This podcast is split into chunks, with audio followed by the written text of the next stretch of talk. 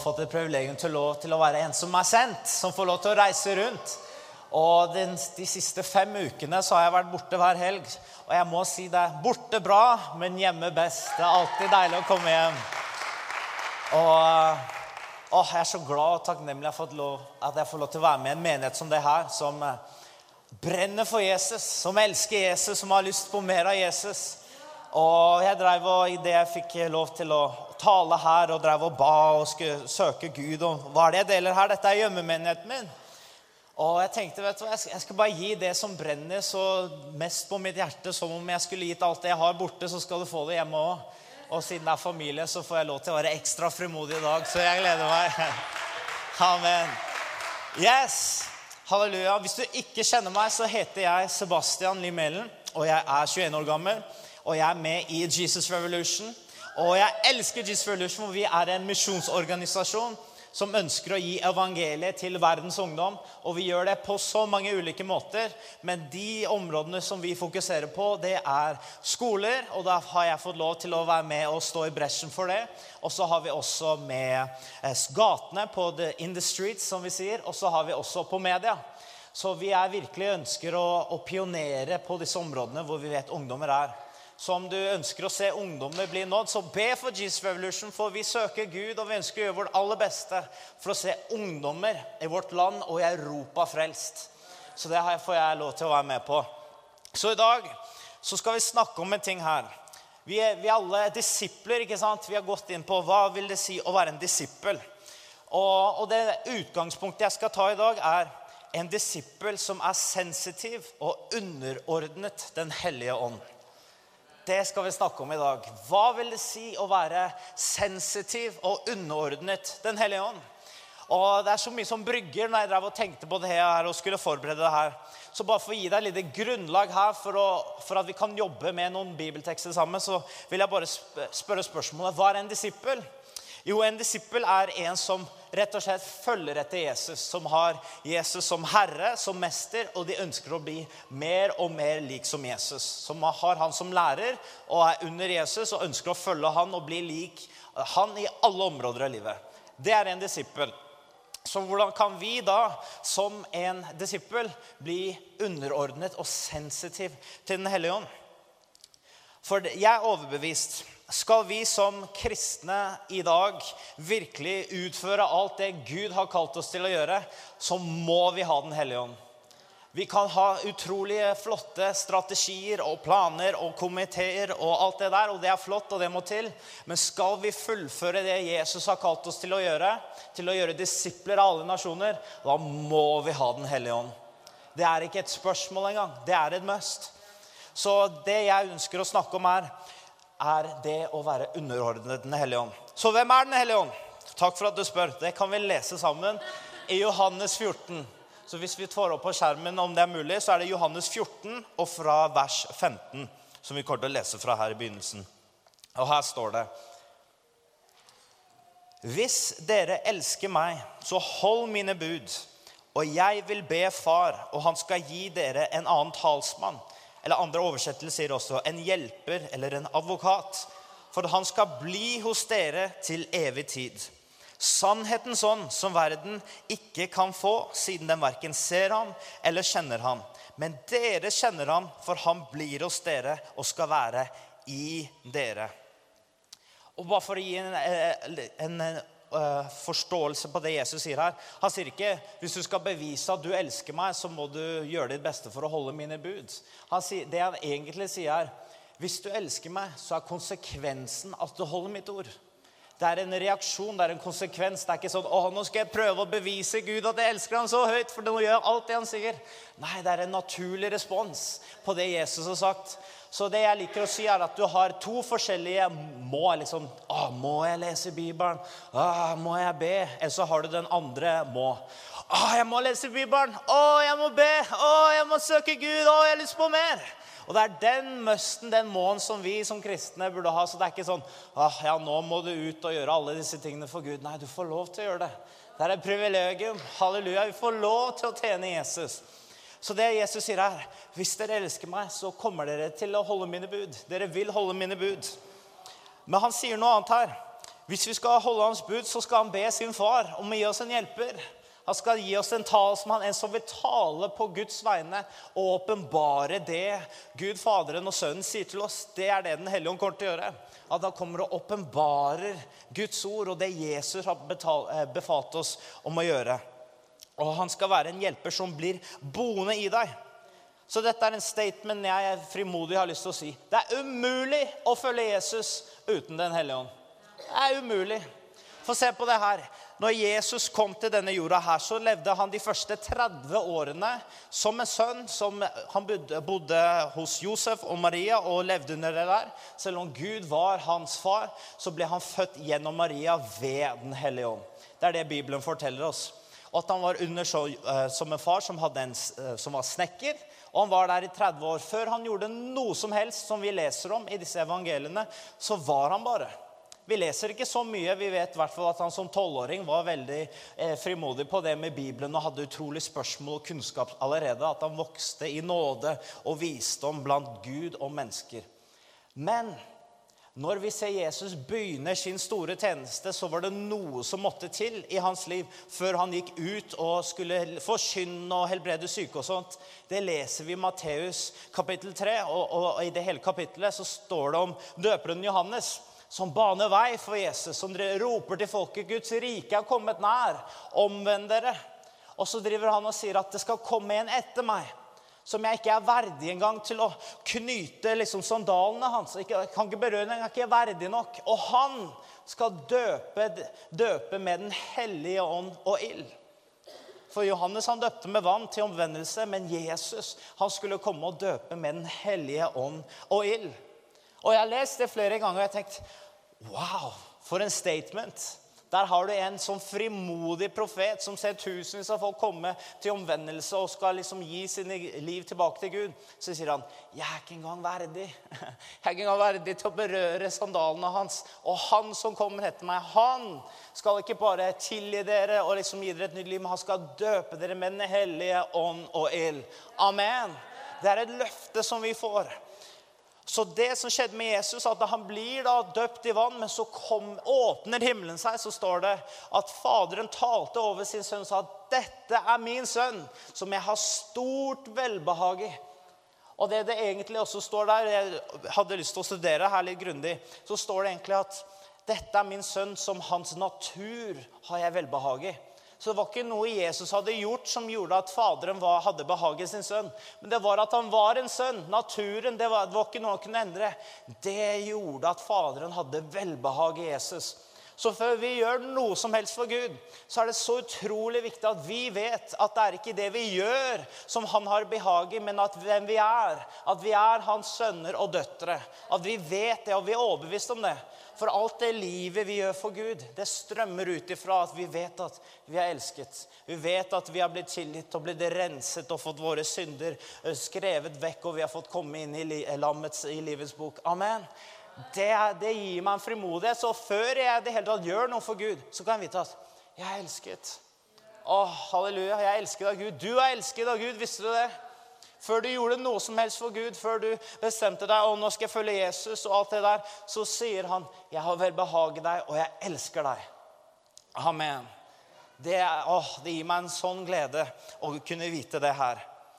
Så det som skjer med Jesus, da, da går han ut etter han blir døpt i Den hellige ånd. Og da begynner hans tjeneste. Da helbreder han de syke. Da reiser han opp de døde. Da kaster han ut demoner. Da mater han tusenvis av mennesker. Det var etter at Den hellige ånd kom over Jesus. Har du noen gang tenkt på det? Jeg, jeg, vet at Jesus han er Guds sønn, men han tok, ga fra seg all sin herlighet og rettigheter og kom ned som et menneske i kjøtt og blod som deg og meg. Og han var like avhengig av Den hellige ånd som du og jeg er i dag. Så alt det vi leser om som Jesus gjorde, det kan vi også gjøre. Det er tilgjengelig for oss. Han vandret et liv ikke bare for å liksom vise oss sånn her er Gud, men også sånn her kan dere leve når dere er underordnet Gud. Når du er underordnet Den hellige ånd, på samme måte kan du og jeg leve i dag. Det gir meg liksom wow. Jeg blir imponert når Jesus helbreder syke som Gud. Jeg blir enda mer imponert når han gjør det som et menneske. Vi er kalt til å følge Jesu fotspor. Vi er disipler, er vi ikke det? Og da trenger vi Den hellige ånd til å kunne leve og vandre etter Jesus. Så jeg har lyst til å bare snakke litt om Den hellige ånd før vi går inn i noen sånne skikkelig saftige saker her. Så jeg håper du tar notater, jeg håper du lytter, ikke bare med hodet, men også med hjertet. Og så vil jeg bare si én ting før jeg går videre på det her. Det er at det er ikke det å bare ta notater som forandrer deg, men det er at du handler på det. For jeg har tatt masse notater før, og så har jeg liksom lest bare, oi, ja, jeg har vært flink til å skrive det og gå på bibelskole. og sånn. Men det var når jeg tok det i handling, når jeg begynte å praktisere det jeg lærte, da begynte livet mitt å bli forvandla. Hva var det Jesus sa til oss? Han sa den som hører mitt ord og gjør etter dem, han er slik en som bygger eh, huset sitt på fjell. Men den som hører og ikke gjør etter det, han er den som bygger eh, huset sitt på sand. Hva er sand for noe? Det er småstein. det. Så det, det, skjer når du tar litt sånn små ting fra Bibelen, bare det du liker, og ikke alt sammen. Da bygger du livet ditt på sand. Men hvis du bygger livet ditt på hele Guds ord, da bygger du på fjell. Og du kan ikke bygge ved å høre. Du bygger ved å gjøre. Så du må gjøre Guds ord. Da bygger du et grunnlag for livet. Amen. Så jeg vil bare gjøre deg ansvarlig i dag. For jeg kommer til å si et par ting, men det er opp til deg om du handler på det. Det er opp til deg om du kommer til å leve etter det. Så jeg på en måte gir fra meg ansvaret og bare sier nå må dere gjøre det jeg sier. Ikke fordi jeg sier det, men fordi Guds ord sier det. Amen? Ok. Det var bare så liten input der.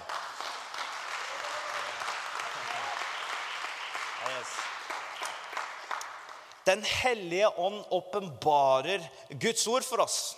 Det leser vi i Efeserbrevet kapittel 1, og ifra med vers 17. Der er det en fantastisk tekst som forteller oss hva Guds ånd gjør i våre liv. Og Dette er en bønn som Paulus ber ikke bare for seg selv, men for hele menigheten. Og han ber det her fra med vers 17. Jeg ber om at vår Herre Jesu Kristi Gud, herlighetens Far, må gi dere visdoms- og åpenbaringsånd, så dere kan lære ham å kjenne og at deres forstands øyne blir opplyst. Med andre ord, deres hjerters øyne skal bli opplyst, så dere kan forstå hvilket håp dere fikk ved hans kall, og hvor rik på herlighet hans arv er blant de hellige. Og forstå hvor overveldende stor hans kraft er for oss som tror, etter virkningen av hans mektige kraft. Oi, oi, oi, for en bønn å be det der. Av Paulus han ber, Jeg ber om at Guds ånd kommer med åpenbaring og visdom, slik at dere kan forstå at dere kan se med deres hjerters øyne hva han har kalt dere til. Hvor rik den rikdommen som er i Kristus, som vi har fått ved tro, så har vi kommet inn i en ny slekt. Det er i Guds sønns slekt. Vi har kommet inn som Guds barn nå. Og da har vi en helt annen arv og rettigheter som om vi skulle vært under synden og slaver under der. Så vi kom inn i lyset. Så har vi fått en helt ny arv. Og den arven som vi har i Kristus, det er ikke bare tilgivelse for våre synder, men det er også utrustning og Den hellige ånds gaver. Det er noe av det Jesus døde for. var for at han skulle komme. At Den hellige ånd skulle komme og tale og åpenbare all sannhet i våre liv. Det var det Jesus sa. Når han kommer, da skal han lære dere alt jeg har fortalt dere. For dere forstår ikke alt ennå. Men når han kommer, så skal han lære dere å åpenbare all sannhet. Så vi må ha Den hellige ånd til å liksom åpenbare Guds ord. For uten åndens lys så er denne boka kanskje litt vanskelig å forstå. Du kan få kunnskap, og det er jo godt i seg selv. Men det er den kunnskapen som kommer fra Den hellige ånd, som levendegjør Bibelen, som gjør forvandling i ditt liv. Og jeg elsker Guds ord. Jeg har fått lest den et par ganger nå. Det, det, er, det er som om jeg leser med nye briller hver gang. Fordi det er Den hellige ånd som levendegjør Bibelen. Å, Det er så viktig å få tak på det her. Så det er en bønn jeg ønsker at du ber hver dag. Å Gud, kom med åpenbaring og visdom, så jeg kan lære deg å kjenne. Å, så jeg kan forstå hva du har kalt meg til. Så jeg kan forstå rikdommen som er tilgjengelig i Kristus. Og at jeg skal forstå den kraften som opererer i alle de som tror. Det er tilgjengelig for alle oss. Det er ikke bare for de som står oppe her, men det er for alle oss Guds folk. Det er vår arv. Det er noe vi har krav på, som vi har rettigheter på som Guds barn. Så det er for deg og meg, det. Halleluja. Det er for deg og meg. Amen.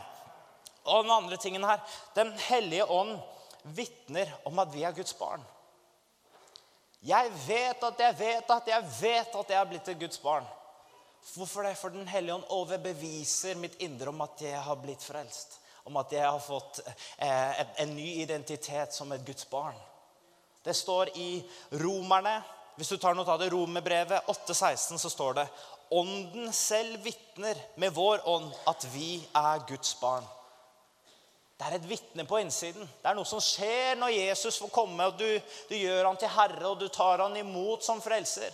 Så er det noe som skjer på din innside, at du Wow, det skjer en forvandling. Du blir ikke frelst ved, ved intellektualisme, du blir frelst ved tro. Og troen er en overbevisning som man ikke ser. Jeg ser ikke Jesus, men jeg ser han i Bibelen. Jeg ser han i mitt hjerte. Og det står at 'velsignet er de som tror og enda ikke ser'. Det er en velsignelse når den overbevisningen kommer i ditt hjerte, og du får se Jesus med, med troen som med åndens øyne. Å, Da blir det liksom levende på innsiden. Det vi tror på, folkens, det er ikke noe død religion. Det er en relasjon med Gud. Det er ekte, det fins, det er levende. Og det er for alle oss. Og vi trenger ånden til å bare komme og levendegjøre Jesus og bare vitne at vi er blitt Guds barn. Som ja, jeg kan studere Bibelen og, og, gå på bibelskole, og at jeg, jeg, er så takknemlig for at jeg har fått muligheten til å gjøre det. Men er det noe jeg konstant blir minnet på, er at wow, jeg er blitt frelst. Wow, jeg er blitt et Guds barn. For jeg vet hvor jeg var for fire år siden. Jeg vet hva jeg holdt på å gjøre, men jeg vet at det som har skjedd med meg nå, det er overnaturlig. Det er et Guds verk. At Den hellige ånd har fått komme og forvandle meg. Og det er en forvandling som skjer når han får lov til å være herre i ditt liv. Når du underordner deg Den hellige ånd. Amen. Er du klar for litt til her? Yes, Så bra. Jeg kjenner at det er litt sånn uh, hunger her nå, så vi, vi, vil ha mer av det her. Yes. Eh, Johannes kapittel 20. La oss lese det her. Jeg skal bare snakke litt om hvordan det vil si å være født på ny. For det er det som skjer når Ånden får komme inn i våre hjerter. Så vi leser Johannes 20 og vers 21. Og Dette er når Jesus har stått opp ifra det døde, og han overrasker og kanskje skremmer disiplene sine litt når han i denne passasjen her. Plutselig så kommer han ut av intet og sier til dere, 'Hei, fred være med dere.' Han bare kommer inn. Og så når han hadde sagt det, så viste han disiplene sine sin side.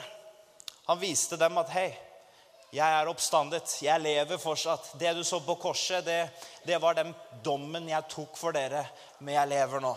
Og så kommer han og sier til dem, 'Hei.'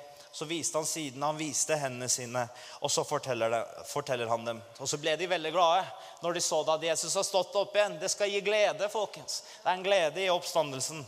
Og i vers 21 så leser vi Fred være med dere. Som far har utsendt meg, sender jeg også dere. Da han hadde sagt dette, pustet han på dem og sa, ta imot Den hellige ånd. Wow. Fantastisk. Han sier, sånn som Faderen har sendt meg på denne jorden, sånn sender jeg dere. Så puster han sin ånd på dem. Og dette her er liksom, om Flere teologer har jo diskutert om dette her er nok det stedet hvor disiplene til Jesus blir født på ny. Når ånden deres blir ett med Gud, sånn og de får det vitne om at de har nå blitt Guds barn. For vi leser også senere at Jesus han, det stopper ikke bare der med Jesus når han skal sende sine disipler. De får ta imot Den hellige ånd der og få allerede liksom helbrede syke og kaste ut noen demoner. og litt sånn. Men det skjer en enda større forvandling som vi leser videre i Bibelen. Men det jeg vil avslutte her nå med det med å bli født på ny, det er når Den hellige ånd kommer og åpenbarer at du er Guds barn, så kommer det en innvendig transformasjon. Han forvandler deg på innsiden. Det er en innvendig sånn rengjøring. og sånn. Det, åh, det er så nydelig. Du får et nytt hjerte og et nytt ånd, sier Bibelen. Og du får et hjerte av kjød. Det er det som skjer når Den hellige ånd kommer inn. Så det jeg har lyst til å snakke om nå, som er hoveddelen av, denne prekenen, er hva er dåpen i Den hellige ånd? Du har hørt uttrykket før. 'Å, jeg blitt døpt i ånden. Jeg er blitt åndsdøpt, og Den hellige ånd falt over meg.' Det er mange uttrykk som du kan høre. Og kanskje kan man bli litt forvirret, for det er jo så mange som sier det samme, men på forskjellige måter, og man vet egentlig ikke hva det handler om. Jeg har vært forvirret på det her før. Har du vært forvirret noen gang? Hva er åndsdåp? Er det noen som lurer på det? For det er det jeg skal tale om. Det var én eh, person. Ok, ja, men det er bra. To stykker. Ja, men Da skal jeg snakke til dere to. Ok, Hva er dåpen i Den? Jo, La oss lese i Johannes 16, 7. Og Da sier Jesus til sine disipler, etter å ha vandret med dem i flere år, så sier han til dem Jeg sier dere sannheten. Han starter med det utgangspunktet og sier hei, det jeg sier nå, det er sant, og jeg forteller dere sannheten. Men det kommer kanskje ikke til å forstå det jeg prøver å kommunisere til dere nå, men det her jeg sier, det er sant. Og så sier han det her. Det er til deres beste at jeg går bort. Hvis ikke jeg går bort, kommer ikke talsmannen til dere. Men hvis jeg går bort, skal jeg sende ham til dere. Se for deg, du har vandret med Jesus i flere år. Du har fått sett at han har liksom helbreda syke, reist folk opp fra de døde, matet tusenvis og multiplisert brød og sånt. Og du har sett det her og opplevd det der. Så sier han, hei, gutta boys, det er best for dere at jeg drar. Hadde jeg vært i den situasjonen, så hadde jeg sagt nei, det er det ikke. Det er bedre at du blir her med oss. Og sier hei, hvis ikke jeg drar, så kommer han ikke. Hvem er det han snakker om? Han snakker om Den hellige ånd som skulle komme. Han skulle sende Den hellige ånd når han hadde gått opp til sin far. Det er et løfte som han har gitt oss. Og hva skulle Den hellige ånd gjøre når han kom? Jo, Det står i vers 8 etterpå at når han kommer, så skal, han overbevise verden om synd, rettferdighet og dom. Det var det Den hellige ånd kom for å gjøre. Når han kom på jorda, skal han overbevise våre hjerter om at vi er litt egoistiske, at vi har gjort litt feil ting, og at vi trenger Jesus i våre liv. Og så kommer han også og vitner om at vi har blitt rettferdiggjort. Når du har omvendt deg, når du har satt din tro og tillit til Jesus, så er det et vitne i ditt hjerte at 'jeg er rettferdig'. Jeg har Guds rettferdighet i mitt liv. Og så vitner han om dom, at Dommen er at Herrens fyrste har blitt dømt. Hva er det? Jo, nei, Satan, djevelen, han har blitt dømt. Han har tapt når Jesus døde på korset og ropte at det var fullbrakt. Så har vi fått en seier gjennom Jesus på korset. At vi skal vite at vet du hva, vi er ikke under, vi er over. Når djevelen kommer og prøver å skal ødelegge deg og prøve å stjele og drepe fra ditt liv, så kan du vite at nei, vet du hva, jeg har vunnet seier gjennom Jesus. Jeg har vunnet mer enn seier gjennom Jesus Kristus. Og det vitnet får du når Den hellige ånd kommer over ditt liv. Og Det trenger vi som Guds menighet. At vi vet hva vi har vunnet. For noen ganger prøver vi å kjempe en ting vi allerede har vunnet i Jesus. Så vi, liksom, vi kjemper i vår kraft istedenfor å bare hvile i den seieren som Jesus har. Jeg snakker ikke om å være passiv, ikke i det hele tatt, men jeg snakker om å vite hva Gud har sagt. Og den åpenbaringen kommer Den hellige ånd med. Amen. Så hvis Jesus sa at det var for vårt beste, da lytter jeg, altså. Da lytter jeg. Hvis Jesus sier 'Hei, dette er for ditt beste', da følger jeg ekstra nøye med. Og Jeg skal bare kaste ut noen vers til dere her nå. Lukas 3, 16, så snakket om Det var døperen Johannes som sa 'Han som kommer, han skal døpe med Den hellige ånd og ild'. Det er Jesus. Han er døperen av hellig ånd og ild. Og så Lukas 24, 49. Jeg, jeg bare tar det her på sparket, her, men dere hører med. Så sier han til sine disipler rett før han skal gå hjem så sier han, 'Vent i Jerusalem inntil dere er kledd i kraft ifra himmelen.' Det var en kraft de skulle få. For vi leser jo nettopp at han pustet på dem. ikke sant? Men så sier han, 'Hei, vent i Jerusalem.' Så skal dere bli ikledd kraft ifra himmelen. Og de visste ikke hva som skulle skje, og så leser du i apostlenes gjerninger 1.5 at ikke mange dager nå, ikke mange dager fra nå skal dere bli døpt i Den hellige ånd. Hadde du vært en av disiplene på den tida, så hadde du ikke skjønt hva han snakka om. For de hadde ikke Vi kan kanskje skjønne nå, for vi har lest Bibelen og, og levd flere liksom, tusen år da, etter det her. Men for de gutta der så visste ikke de hvem Den hellige ånd var. Om det var en engel som skulle komme på døra, eller hva som skulle skje. De hadde ikke peiling på hva Jesus mente med det. Men de var lydige. Ok, vi venter i Jerusalem. Så han taler dette her til en gjeng. Så var det sånn ca. rundt 400 når han talte det her. Men når Den hellige ånd faktisk kom, så var det i en øvre sal i Jerusalem. Og da var det 120 stykker som var samlet der, som ba. Og de hadde et samme hjerte, samme sinn, og de bare 'Gud, nå, nå trenger vi deg.' Og de var, de var ett. Det var ett folk som søkte Gud. Så la oss lese den passasjen der sammen. Det er i Apostlenes gjerninger, kapittel 2. Amen. Hvis vi kan få det her på skjermen, så ville det vært veldig flott. Apostlenes gjerninger, kapittel 2, fra og med vers 1. Og da leser vi. Da pinsedagen var kommet, var de alle samlet på samme sted med samstemt sinn. Plutselig kom det en lyd fra himmelen som en mektig stormvind, og den fylte hele huset der de satt. Så viste det seg delte tunge for dem, som av ild, og de satte seg på hver enkelt av dem. De ble alle fylt med Den hellige ånd og begynte å tale i andre tunger ettersom ånden ga dem å tale. Wow! Tenk å være der når det der skjer. da. Tenk å være samlet. Det står plutselig. Åh, Jeg elsker når Gud bare plutselig kommer. Du er i din eget program eller gjør noe, så plutselig bare kommer Gud, og du skjønner åh, han er her. Åh, Det er fantastisk når han gjør det. Jeg elsker disse surprises.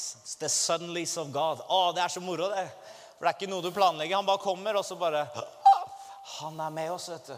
Og plutselig kom Den hellige ånd når de var samlet der i bønn. Og det sto at alle ble fylt. Det var menn og kvinner. Alle ble fylt. Det var en utfyllelse av profetien som, med, som Joel hadde, at 'jeg skal utøse min ånd på alt skjød'. Både menn og kvinner de skal profetere, står det. Alt kjød skal få Den hellige ånd. Amen. Å, jeg har lyst på det her. Å, jeg er sulten på det her. Og så talte de i nye tunger ettersom ånden ga dem å tale. Det var et vitnesbyrd, et tegn på at Den hellige ånd hadde kommet. For de hadde ikke peiling på hva som skjedde i det øyeblikket. De visste ikke hva som skulle vente dem. De bare ba. Og så plutselig kom Gud. Og det er at det var tunger av ild som kom over dem på hver enkelt av dem. Og de talte i språk som de aldri hadde talt før. Og at det var en sånn lyd og en sånn, eh, som gikk over hele Jerusalem. Og jøder fra over hele verden hørte at de talte om Guds tegn og under og mirakler og storhet på sitt språk. Det var så overnaturlig som du kan få det. Og det skjedde når Den hellige ånd kom. At de begynte å tale i nye tunger. Og det er helt fantastisk. Det er en gave fra Gud. Og jeg tenker sånn, Hvis Gud gir det til oss, så vil jeg ha det. Hvis det er, hvis det er en gave fra Gud Jeg har ikke lyst til å si nei takk til noe som han gir til alle oss. Det er en gave, så om du har lyst på mer av Gud, så ta imot alt det han tilbyr, ikke bare litt. For det er fantastisk. Jeg har lyst på full porsjon. jeg. Det er sånn eh, Når du er på en sånn all you can eat-restaurant ikke sant? Du skal ikke bare ta lite grann, du fyller jo opp hele tallerkenen. Sånn er det med Gud òg. Liksom, 'Jeg vil ha mer, Herre. Bring it on. Fyll meg opp.' For det er ikke bare engangsgreie. vet du. Det er en sånn eh, kontinuerlig prosess hvor vi bare blir mer og mer fylt med Han. Mindre av oss og mer av Gud. Og det trenger vi, altså. Så la meg forklare en ting her. Vi, vi leser litt til. Vi har, vi har tid til det her. Guds ord er levende, vet du. Så jeg har bare lyst til å legge et grunnlag i Guds ord, for jeg tror Gud kommer til å, til å gjøre noe her etterpå. Altså. At han skal fylle oss med Den hellige ånd. Kanskje du har hørt om det begrepet her, om de åndsdøp eller bli fylt med Den hellige ånd. Det er min bønn denne morgenen her, og at Guds folk skal bli fylt med Den hellige ånd. Og at du skal bli fylt med Guds glede og kjærlighet og kraft. For det er det som kommer når Den hellige ånd flytter inn så er det ikke bare at du liksom taler i nye tunger. Liksom det, det, poenget er ikke å tale i tunger. Poenget er at Gud kommer og gjør ting du ikke kan gjøre i din kraft. Og du blir fylt med kjærlighet og glede. Å, det er fantastisk når Den hellige ånd kommer og flytter inn. Amen. Og det var noe man leser i Apostlenes gjerninger, kapittel 19. Der står det noe veldig, veldig interessant. Dette er når Paulus drar, reiser rundt på sine misjonsreiser. Og så besøker han en av menighetene der i Efesus. Var det ikke det? Jo, i Efesus. Og så spør han disse disiplene i vers 2, da. Fikk dere Den hellige ånd da dere kom til troen? Han spurte disipler, folk som trodde på Jesus, som trodde at han var oppstander, da de hadde liksom kommet til en bekjennelse om tro på Jesus. Men han spurte dem, fikk dere Den hellige ånd når dere kom til tro. Og så sier de vi har ikke engang hørt Vi har ikke hørt engang om at det er noen hellige ånd. Det, det, har jeg møtt på når jeg reist litt rundt òg. Som ja, vi tror på Gud, og ja, vi tror på Jesus, og vi er glad i Han. Ja, har, har, du, har, du, blitt fylt med Den hellige ånd? Hæ, hva mener du? Ja, jeg, jeg tror jo. Det, det, skjer, det, og jeg, jeg kjenner flere som har vært der. Men den gaven som skjer når Den hellige ånd kommer inn, er at oi, oi, oi, da kommer det forvandling. Og det har jeg lyst til å forklare. Forskjellen på det her nå. For jeg snakker det med at Den hellige ånd er et vitne på innsida om at det er Guds barn. Så hva er forskjellen på at du blir døpt i Den hellige ånd, og at Den hellige ånd er i deg fra før av? Liksom det, kanskje det er en litt forvirring. Nå skal jeg si det så enkelt som jeg overhodet kan si det her. Når man blir frelst, når man blir født på ny, kommer Den hellige ånd med en innvendig transformasjon. Men når vi blir døpt i Den hellige ånd, så kommer han med en utvendig demonstrasjon. Det er veldig annerledes. For når Den hellige ånd er i meg, så er det han som forandrer meg og liksom jobber med meg. Når han kommer over meg, når jeg blir døpt og får liksom hele meg, hvor han kommer over meg, så er det for andre. Den hellige ånd kommer ikke over deg med kraft for din del, men han kommer med kraft over deg for andres del. Slik at du kan bli et verktøy i Guds hender til å berøre mennesker rundt deg. Det er det som skjer når du blir døpt i Den hellige ånd. Det er at du får tilgang til åndens gaver. At du kan begynne å høre Guds hjerte og tanker og tale det over mennesker, og de blir berørt. Og Det er som nøkler som åpner opp menneskers hjerte for å ta imot Jesus. Det er fantastisk. Vi trenger det her som menighet. Vi trenger det her som enkeltmennesker. At Den hellige ånd får jobbe i oss. og Det skjer med alle oss når vi blir født på ny. Men det er noe enda større som skjer når han kommer over oss. For da kommer han med kraft. Han kommer med frimodighet som ikke du hadde sjøl. Og det er et overnaturlig verk fra Gud som driver og opererer i deg når du blir døpt og fylt med Den hellige ånd. Så vi leser videre om disse karene her. da. For de sier vi visste ikke om det engang. Så, så da spør eh, Paulus da, hva ble dere døpt med. Jo, vi ble døpt med Johannes dåp, som vi leste om i Matteus 3, som døpte med vann til oppvendelse.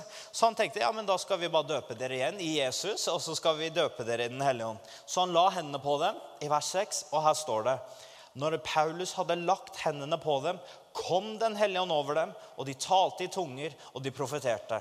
Og disse menneskene var omkring tolv til sammen. Det var ikke en så svær gjeng som oss, men var, Gud kom fortsatt når de var tolv stykker. Amen. Så dette her kan skje hjemme også. Dette kan skje i stua. At Den hellige ånd kommer over dere, og du kan be for folk, og de blir fylt med denne gleden og kraften som kommer i Den hellige ånd. Amen. Et siste vers her nå, så vil jeg dele en liten historie her. Den hellige ånd gir deg kraft til å være et vitne. Apostlenes gjerninger 1,8 sier du skal få kraft når Den hellige ånd kommer over deg og du skal være mine vitner i Jerusalem, Judea, Samaria og helt til jordens ende. Det her fikk jeg oppleve første året mitt på bibelskole. Vi dro på en misjonstur til Stockholm. Og, Da skulle vi være med på et event som heter Awakening Europe. Awakening Stockholm, og Da var det tusenvis av kristne som skulle samles, og vi skulle fylle denne Friends Arena med tusenvis av kristne. og Så dro vi ut på gaten og tok med ikke-kristne, slik at de skulle få høre evangeliet. Så vi på bibelskolen Trons Bevis, og med misjonsgjengen vår i Jesus Revolution, vi dro ut på gatene, og vi hadde med høyttalere, og vi skulle forkynne og få mennesker med ut på, på møtene. da. Men den dagen vi gjorde det, så hadde det vært litt dårlig vær. Og det regna litt, og det var litt sånn surt. Og det var ikke den dagen man tenkte nå er det sol, nå er det masse mennesker ute, nå er det perfekt å gå ut. Det var liksom helt motsatt. Det regna, det var surt, og man var kanskje litt sånn Skal vi virkelig gå ut i det her? Det, det var sånn jeg tenkte, i hvert fall, hvis jeg skal være ærlig med dere. Men så hadde jeg en leder som utfordra meg, sa Sebastian, på det ene gatemøtet som vi skal ha, så vil jeg at du forkynner evangeliet så vil jeg at du gjør noe nytt nå. Jeg vil at du skal ha en innbydelse for alle de som er syke. Og jeg vil at du skal be for dem på gata. Og denne lederen var min fantastiske venn og leder her, Timothy, som utfordra meg på det. Så takk for det her. Og så vi kommer på gata, vi samles og vi liksom setter i gang høyttaleren. Gjengen begynner å danse, og, og, folkemengden begynner å komme. Og det kommer faktisk en liten gjeng som kommer og samler seg rundt der. Men så plutselig, liksom, når Gud er der liksom, så Djevelen liker ikke det her. Så plutselig kommer det folk som gjør de rareste tinga. Jeg vet ikke hvor de kommer fra. Men det kommer folk sant, som plutselig kommer med sånn der, er det sånn tamburin, sånn ristegreie. Ikke sant? Kommer og slår på den og liksom går der og danser midt i gjengen vår. Hvor kom du fra? Liksom, når vi skulle ut, så kom du og ble med. ikke sant? Da var det litt sånn åndelig kamp, skjønner du. Og så begynte det å regne litt, og så etter den dansen så skulle jeg opp og, og, og dele evangeliet. Og Jeg husker jeg sto på sida der rett før jeg skulle gå og, og, ta mikrofonen. Så sa jeg sånn Gud, nå må du hjelpe meg. Nå, nå, jeg, nå, å, nå, er jeg skikkelig motløs. Jeg kjente at jeg var motløs. og ah, Det var liksom ikke Come on, nå er jeg gira. Nå skal vi bare ta helt av. Det var liksom helt motsatt. Så kjente jeg det. Jeg sa, Gud, nå må du bare hjelpe meg. Nå bare, ok, jeg skal gjøre det du sa jeg skulle gjøre. Altså, amen. Og så går jeg til mikrofonen, tar den i hånda, og da er det noe som skjer. Sånn som Bibelen snakker, Du skal få kraft i det Den hellige ånd kommer over deg. Og jeg kjenner det. Og det var bare sånn Wow, hva skjedde nå? Plutselig begynner jeg å rope vet du, foran denne gjengen at Jesus helbreder, han frelser, han setter fri, han har kommet for å gi deg et nytt liv. Han døde på korset. Og bare Hvem er det her? Liksom? Jeg visste det her var jo ikke meg. Jeg bare begynte å rope så frimodig, og det var Den hellige ånd som bare kom over meg. Jeg kjente wow, det her liker jeg. Og jeg håper det her skjer hver gang jeg preker, for det her er gøy. Når Den hellige ånd kommer. Og jeg sa, liksom hadde innbydelse til frelse, de som skulle ta imot Jesus. Og da var det sånn syv stykker som responderte og sa jeg har lyst til å ta imot Jesus, og, og ba sammen med oss. og, og sånt. Og så tenkte jeg wow, det var fantastisk. Amen. Så jeg tenkte nå er jeg ferdig. Nå skal jeg bare gå. Og så, og så får folk prate med de som har respondert og ønsket å ta imot Jesus. Men så sier, ser jeg Timothy, han gjør sånn. Fortsett, fortsett, fortsett. Og da husket jeg at han sa jeg vil at du skal invitere folk som er syke, og be for dem. Og da begynte hjertet å dunke igjen. Og ok, Gud, nå hadde hjelpe meg. Jeg hadde sett det blitt gjort før, men aldri, aldri sjøl gjort det. Jeg har bedt for folk som én med én person, men aldri sånn foran en gjeng. da. Og så spør jeg da ja, er det noen her i rommet i dag som er liksom, eller ute på gata blir vel det, som er ute på gata, som er syke eller har smerte i kroppen, så vil vi be for deg. Vi tror at Jesus helbreder. Så går det litt stille, så er det ingen som responderer. Så plutselig ser du en hånd på sida som bare Jepp. Så var det en som var, var, skadet. Så inviterer jeg hun til å komme fram da, foran alle. Og Hun kommer der til meg, og hun sier at hun har tråkket på et glasskår. Sånn at hele hva blir det, eh, nervene fra foten fram til hofta Hver gang hun tråkka, så var det som om eh, nåler stakk henne. For det var sånn smerter i nervesystemet for hvert skritt. Så hun gikk jo i smerte når hun kom fram der og hadde skikkelig vondt. Så det var veldig tydelig at denne jenta her hadde smerter. Og, og det som skjer når du, Den hellige ånd er med deg, du sier ting du ikke planlegger å si. Så hun står der og sier, 'Vet du hva, folkens? Nå skal jeg legge mine hender på henne, så kommer Jesus og helbreder henne akkurat nå.' Er dere klare for det, sier jeg. Og det er litt sånn som du vet sånn tannkremtube. Du klemmer den, du får ikke tannkremen inn igjen. Det er litt sånn, Når du sier noe, du kan ikke ta det tilbake. Og det var litt det som skjedde i det øyeblikket. Så jeg bøyer meg ned og legger foten på henne og tenker inni meg tenker, å kjære Jesus, nå må du bare komme. Men så kommer det en sånn overbevisning. Det kommer en tro. Bare sånn, å, jeg visste at jeg visste at nå blir denne jenta helbreda. Det var sånn en overbevisning. Jeg sa i Jesu navn så befaler jeg det beinet her til å bli helbreda akkurat nå. Amen. Ba jeg for hun. Så sa jeg reis deg opp og test det nå. Og foran alle, da var vi sånn 70 stykk som var rundt oss. Og henne går, Jeg ser jo ikke henne snu ryggen til meg, sånn som jeg gjør til dere nå. Og hun gikk. Og når henne snur seg, så bare gråter hun. Hun bare gråter og gråter og gråter. Og jeg visste ikke hva jeg skulle gjøre. Hun kom til meg og gråt, så jeg, jeg holdt rundt henne og bare sa vet du hva, jeg tror Gud gjorde et mirakel akkurat nå. Og hun sa at all smerte forsvant. Det første sekundet hun tok et skritt, så var det som om all smerten forsvant fra beinet sitt. Amen. Takk for det. Og da tenkte jeg wow, det her er helt fantastisk. Så jeg, jeg ropte en to minutter til og sa dette her er Gud. Han lever i dag. Han, han, helbreder, og han setter fri. Og idet jeg tar den andre runden og så avslutter og sier ok, nå vil jeg invitere dere med på møte i kveld i denne arenaen. Her er gratisbilletter. Vær så snill å komme. Og avslutta litt sånn. Så går jeg tilbake til eh, stedet hvor jeg skal legge fra meg mikrofonen. Men så kommer det en kar som har liksom fullt av tatoveringer på nakken og tatoveringer i ansiktet, sånne øyendråper. Og, og, var en ganske røff, tøff fyr som kom gående rett mot meg, fikk øyekontakt. Ikke noe smil, ikke noe glede, bare liksom rett frammarsj mot meg. Og da tenkte jeg Oi, hva skjer nå? Han kommer med en gang. Han sier ikke 'hei, hvordan går det?' Han bare sier 'Du, når jeg sto på andre siden av gata her, og jeg, ropte, jeg hørte at du ropte at Jesus setter fri og helbreder og kan gi meg nytt liv, så var det noe inni meg som sa dette her er sant, og jeg måtte gå og høre på. Så han kom til møtet, og akkurat det han kom, så så han at denne jenta ble helbreda foran alle andre. Og etter det så var det som om noe inni han sa det her må du ha.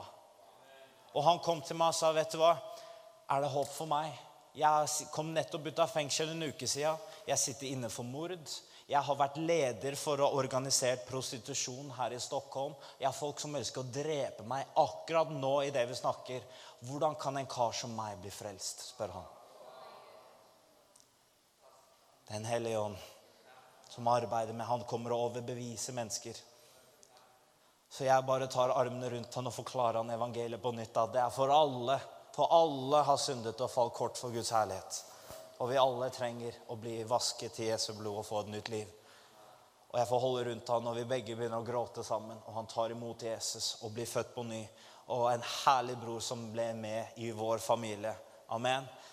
Og, og jeg trodde det var det, da, for det kom bare en ting etter ting. Så etter det så sier jeg nå, jeg, nå er jeg ferdig. Wow, Gud, dette er det villeste jeg har vært med på. Men det som skjer da, er at en til person kommer løpende til meg etter jeg prata med han. Og dette var en, en, en, kvinne som hadde på seg hijab og kom der med, med typen sin og sa, 'Vet du hva? Nå tror jeg at Jesus er Guds sønn.' For jeg så det du gjorde, og jeg så at det var sant. Så jeg og kjæresten min vi har tatt imot Jesus, og vi har blitt kristne nå. Wow! Amen!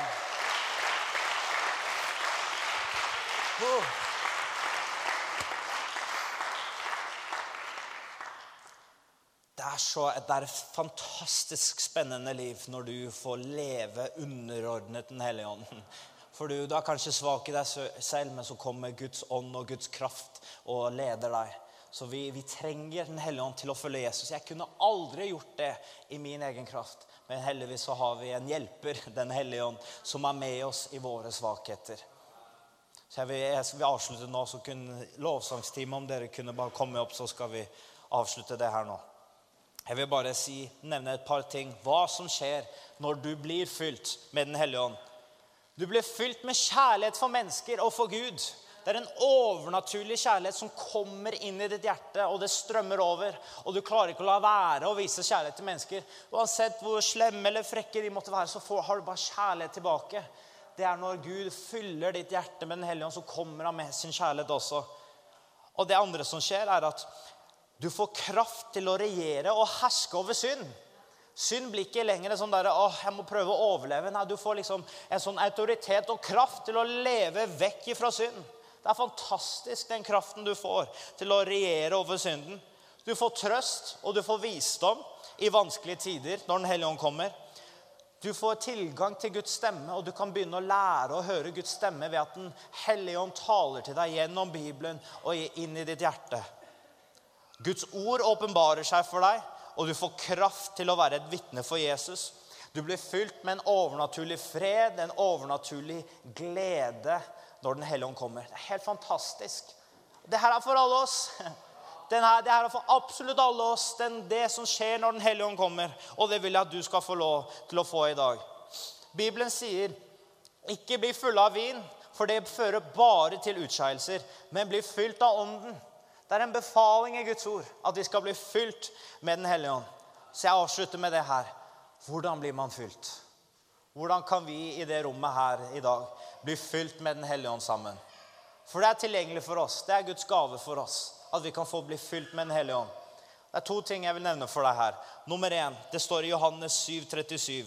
Om noen tørster, skal han komme til meg og drikke. Og den som tror på meg, ut ifra hans indre, som Skriftene har sagt, skal det flyte strømmer av levende vann. Nummer én tro på Han. Han har sagt det, så han vil gjøre det. Han kommer når du tror. Og det står om noen tørster. Har du lyst på det? Det er tilgjengelig. Det er for både deg og meg og alle i det rommet her i dag. Det er ikke noe aldersgrense på Den hellige ånd. Fra den yngste til den eldste er Den hellige ånd tilgjengelig for alle sammen. Det er ikke noe junior-helligånd, og det er ikke noe senior-helligånd. Det er én helligånd for oss alle sammen som vi kan drikke sammen fra.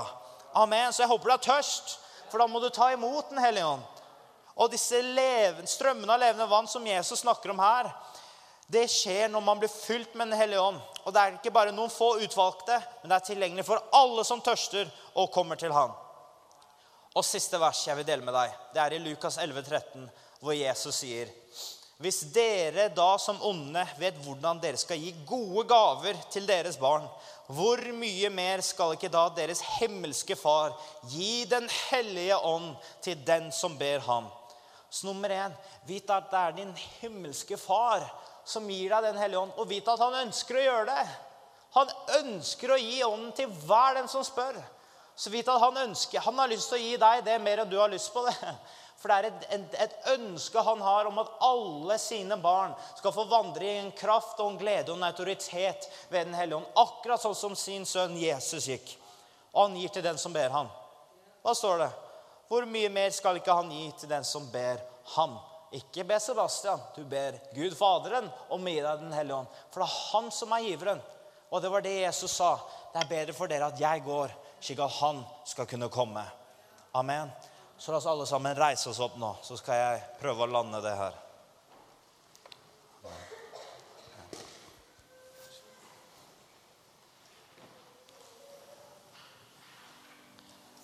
Dåpen i Den hellige ånd, som vi har snakket om her nå. Kanskje du har aldri, aldri, aldri liksom hørt om det her, eller om du har hørt om det før, men det har vært forvirring, og du har på en måte hatt noen sånne grenser fra å kunne komme til Gud og faktisk Vet du hva? Jeg har lyst til å bli fylt med Den hellige ånd. Det er en gave fra Gud, og han gir bare gode gaver. All god og perfekt gave kommer fra vår Far i himmelen, som aldri endrer seg. Amen. Den hellige ånd er det beste han kan gi. Han ga sin sønn for å liksom ta vår straff, og så ga han Den hellige ånd for at vi kunne leve i seier på jorden mens vi er her nå. Det er en smak av himmelen. Det er en, en glede og en fred som kommer idet Den hellige ånd fyller deg. Og sånn som vi leste når Paulus spurte disse eh, disiplene Fikk du Den hellige ånd når du kom til troen? Så spør jeg det samme i dag. Har du fått Den hellige ånd? Vet du at du har blitt fylt? Ikke bare at han er inni der og, og, hjelper deg, men at han kommer over deg med en sånn kraft og sånn glede.